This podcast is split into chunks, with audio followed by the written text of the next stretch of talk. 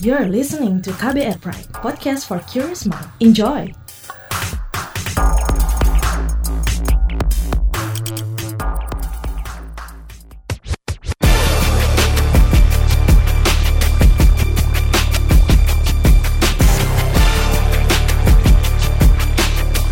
Cek fakta, cek fakta, cek fakta. Halo, ketemu lagi bareng gue Don Brady di podcast Cek Fakta edisi 28 November 2022. Kita bakal bahas top 3 hoax of the week yang beredar dari tanggal 17 hingga 23 November 2022. Hasil periksa fakta dengan tingkat engagement paling tinggi pada akun Instagram at turnbackhoaxid bersama Aribo Sasmito, co-founder dan fact-check spesialis masyarakat anti fitnah Indonesia, Mafindo. Podcast ini bisa Anda simak di kbrprime.id setiap Senin dan di aplikasi podcast lainnya.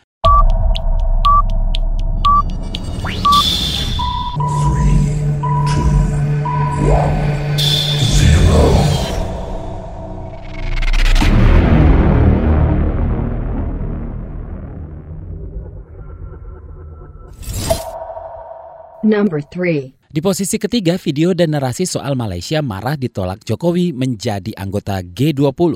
Beredar video di TikTok yang telah ditonton 2,2 juta pengguna TikTok. Video tersebut memberikan narasi bahwa Malaysia tidak dapat bergabung menjadi anggota G20 karena ditolak Presiden Jokowi.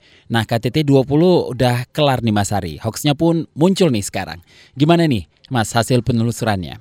Ya Mas Don, betul uh, baru muncul sekarang ya. Memang hoax itu kan mengikuti tren. Nah, yang sedang trending apa itu yang akan dalam tanda petik ditumpangi biar semakin menyebar karena sedang trending, sedang dibicarakan masyarakat entah itu di dunia maya atau dunia nyata. Dunia maya maksudnya media sosial maksudnya. Nah, sebetulnya ini hasil penelusurannya salah kalau dibilang Malaysia ditolak Pak Jokowi jadi anggota G20. Sebetulnya Malaysia itu tidak atau belum menjadi anggota Group of 20 G20 karena tidak atau belum memenuhi syarat sebagai anggota. Jadi bukan karena ditolak Pak Jokowi Mas Donya.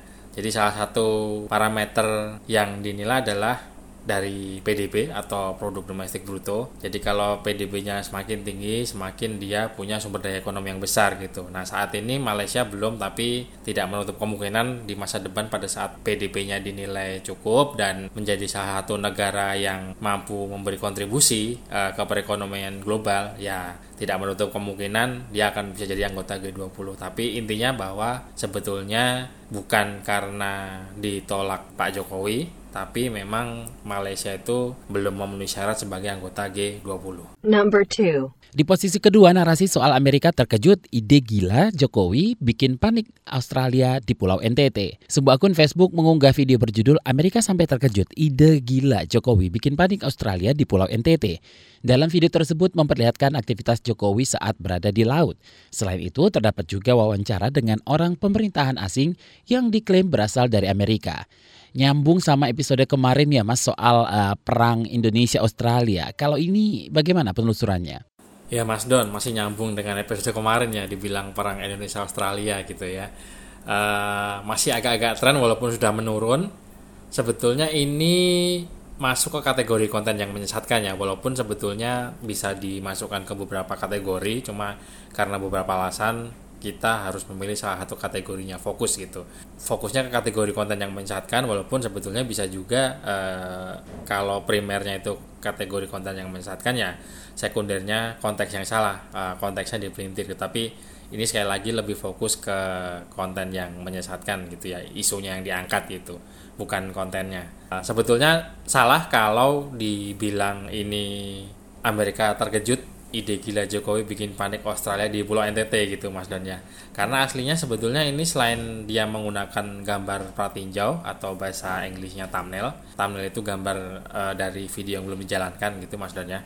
Nah sebetulnya ini isinya potongan-potongan video yang yang orientasinya itu dibalik dari dari kiri ke kanan, kanan ke kiri itu di mirror atau di flip gitu ya.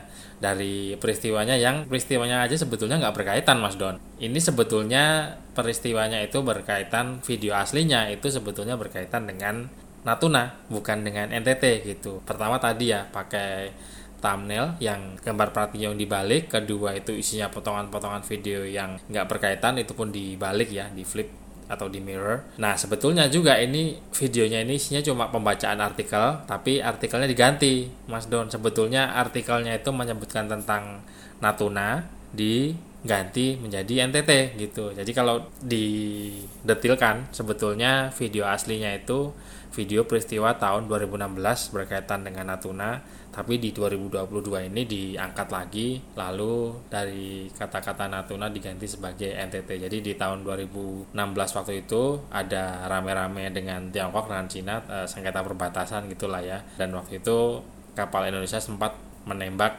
kapal dari nelayan Tiongkok. Nah waktu itu Pak Jokowi datang ke sana dan ini masuk ke berita nasional yang kalau berdasarkan 5.1H Asdi Kambah apa siapa di mana kapan mengapa bagaimana tentu saja ribut-ribut tentang Pulau Pasir di tahun 2022 itu tidak bisa disandingkan dengan video yang menayangkan tentang kejadian di 2016 apalagi narasinya itu cuma baca artikel kata-kata Natuna diganti menjadi NTT.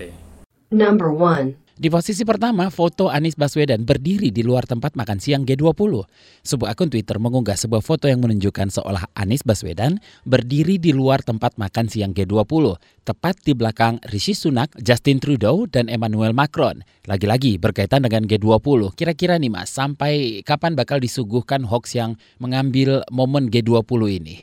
Dan gimana penelusuran soal foto Anies ini mas? Sampai kapan Mas Donnya? tergantung yang bikin hoax sih, uh, tergantung juga respon masyarakat gitu. Karena eh, kalau dari segi atau aspek hukum pasar, persediaan dan permintaan, eh, sebetulnya hoax itu banyak beredar, ada produsennya ya karena konsumennya masih banyak yang suka menyebarkan Mas Don. Jadi bukan menyalahkan masyarakat ya, tapi kita nggak bisa hanya mengharapkan kalau dari aspek sekali lagi dari aspek hukum pasar ya kita tidak bisa menyalahkan produsen karena uh, produsen itu dalam tanda petik menjual ya tergantung apa yang diminta konsumennya. Kalau konsumennya banyak yang minta hoax ya artinya produsennya juga akan menyediakan menjual dalam tanda petik ya hoax juga gitu karena yang laku itu gitu. Nah ini hasil penelusurannya sebetulnya ini masuk ke kategori yang uh, cukup mudah. Karena di umum atau awam maaf bukan merendahkan uh, umum atau awam itu maksudnya bukan yang sehari-hari berkaitan dengan periksa fakta atau fact check gitu ya. Nah, ini kategori konten yang dimanipulasi itu sesuatu yang oleh uh, umum atau awam cukup mudah dipahami karena salah karena suntingan, salah soalnya hasil editan. Titik selesai. Nah, yang nggak bikin selesai itu biasanya karena menggunakan bahan yang dia itu entah mengambil figur publik tokoh politik apalagi kalau tokoh politik ya ah, tokoh politik itu kan masing-masing punya pendukung makanya sesuatu yang harusnya udah selesai karena istilahnya ini suntingan terus ini foto aslinya ya jadi panjang urusannya karena pada saling cakar-cakaran di media sosial bukan membicarakan tentang periksa faktanya tentang faktanya tapi ya malah ribut soal hal lain. Nah faktanya sebetulnya ini foto aslinya itu sudah diunggah oleh akun Twitter dan akun Instagramnya resmi Pak Jokowi centang biru e, terverifikasi ya. Di situ diperlihatkan dari beberapa sudut, tidak cuma satu sudut. Ya memang ada foto yang sudutnya sama, e, tapi dari untuk membuktikan referensi itu kan bisa dari beberapa Mas Don ya. Ada referensi, ada juga kolaborasi. Kolaborasi itu referensi yang lain, tapi yang tidak berkaitan dengan referensi pertama, tapi mendukung untuk digunakan referensi juga sekaligus yang mendukung artikel periksa faktanya yang mendukung referensi yang pertama juga gitu jadi dari dari beberapa sudut di situ di situ kelihatan bahwa itu foto hasil suntingan jadi bagian kepalanya diganti kepalanya Pak Anies Baswedan padahal aslinya yang berdiri itu ya salah satu anggota panitia bukan Pak Anies Baswedan gitu Mas Don itu dia tadi top 3 hoax of the week periode 17 hingga 23 November 2022. Mas Hari, ada yang mau disoroti dari ketiga hoax minggu ini? Ya, yang mau saya soroti ini agak-agak nyambung dengan yang kita bahas di beberapa episode lalu Mas Don tentang tujuh kategori mis dan disinformasi. Sebelumnya sebelumnya ini sudah saya singgung di peringkat pertama tadi ya bahwa seharusnya kalau kategorinya masuk ke kategori konten yang dimanipulasi ya sederhana gitu. Ini salah karena disunting salah soalnya editan titik selesai. Tapi ya itu eh, nggak selesai selesai karena justru netizen plus 62 itu menggunakan uh, terpancing oleh mereka yang membuat hoax ini. Ya memang sengaja menyasar tokoh-tokoh atau isu-isu yang punya pendukung. Jadi masing-masing malah meributkan bukan hasil periksa faktanya tapi ya itunya hal-hal lain gitu. Kalau bahasa di forum itu out out of topic yang yang out of topic itu kalau diterjemahkan kurang lebih sesuatu yang di luar topik yang dibicarakan gitu. Kalau di medsos itu kan kita biasanya scroll ke bawah gulir ke bawah. Nah yang out of topic itu semakin ke bawah semakin nggak nyambung sebetulnya topiknya tentang A lalu ribut-ributnya ngomongin B C D sampai Z balik ke A lagi sampai ke Z lagi dan bolak-balik ujung-ujungnya ad hominem menyerang pribadi gitu. Jadi uh, kalau boleh meminta sih boleh menghimbau gitu ya. Uh, harusnya netizen plus 62 jangan mau kepancing dengan hal-hal seperti itu karena kalau saya menyebutnya itu konflik profiteering ya. Jadi ada istilah war profiteering, ada juga konflik profiteering. Kalau war profiteering mengambil keuntungan dari perang itu sengaja membuat konflik biar dagang senjatanya laku. Nah, kalau konflik profiteering itu mengambil keuntungan dari konflik sesuatu yang di media sosial kita lihat sehari-hari di media-media sosial tertentu ya, tapi sebetulnya ya di semua platform media sosial sih gitu sengaja ada pihak-pihak yang mengambil keuntungan dari konflik untuk membuat polarisasi yang masing-masing pihak masing-masing kalau bahasa ininya bahasa akrab sehari-harinya Mas Don sebutannya kubu ya gitu. Biar masing-masing kubu itu saling ribut karena masing-masing kubu sebetulnya itu mereka adalah pangsa pasar yang bisa digarap. Bahkan pernah juga beberapa tahun lalu dimuat di media ada yang sengaja membuat media atau akun ya media yang disebarkan oleh akun-akun palsu gitu maksudnya di di berbagai macam media sosial. Medianya itu mendukung kubu A tapi di sisi lain mereka bikin media lain yang mendukung kubu B. Jadi sebutan kerennya dua kaki ya. Karena apa? Ya tadi itu Mas Don dua-duanya pihak mau yang mendukung A, mendukung B, mendukung Z itu mereka masing-masing adalah pasar yang sehari-hari bisa digarap di media sosial. Apalagi sebetulnya kayak begini nih sesuatu yang sudah terjadi semenjak zaman sebelum media sosial sekalipun ya. Tapi ya karena ada media sosial ini jadi media sosial itu dipersenjatai menjadi alat propaganda yang uh, ya apa ya murah ya. Media sosial itu murah koneksi internet juga nggak mahal karena uh, di zaman serba canggih ini ke mana pun kita pergi itu kita bisa terkoneksi internet. Jadi uh, kalau saya boleh menghimbau meminta sih jangan mau netizen plus 62 jadi konsumen yang tadi ya eh, mau dipecah belah mau jadi korban polarisasi. Karena sebetulnya kita kalian kita semua itu cakar-cakaran ramai di medsos.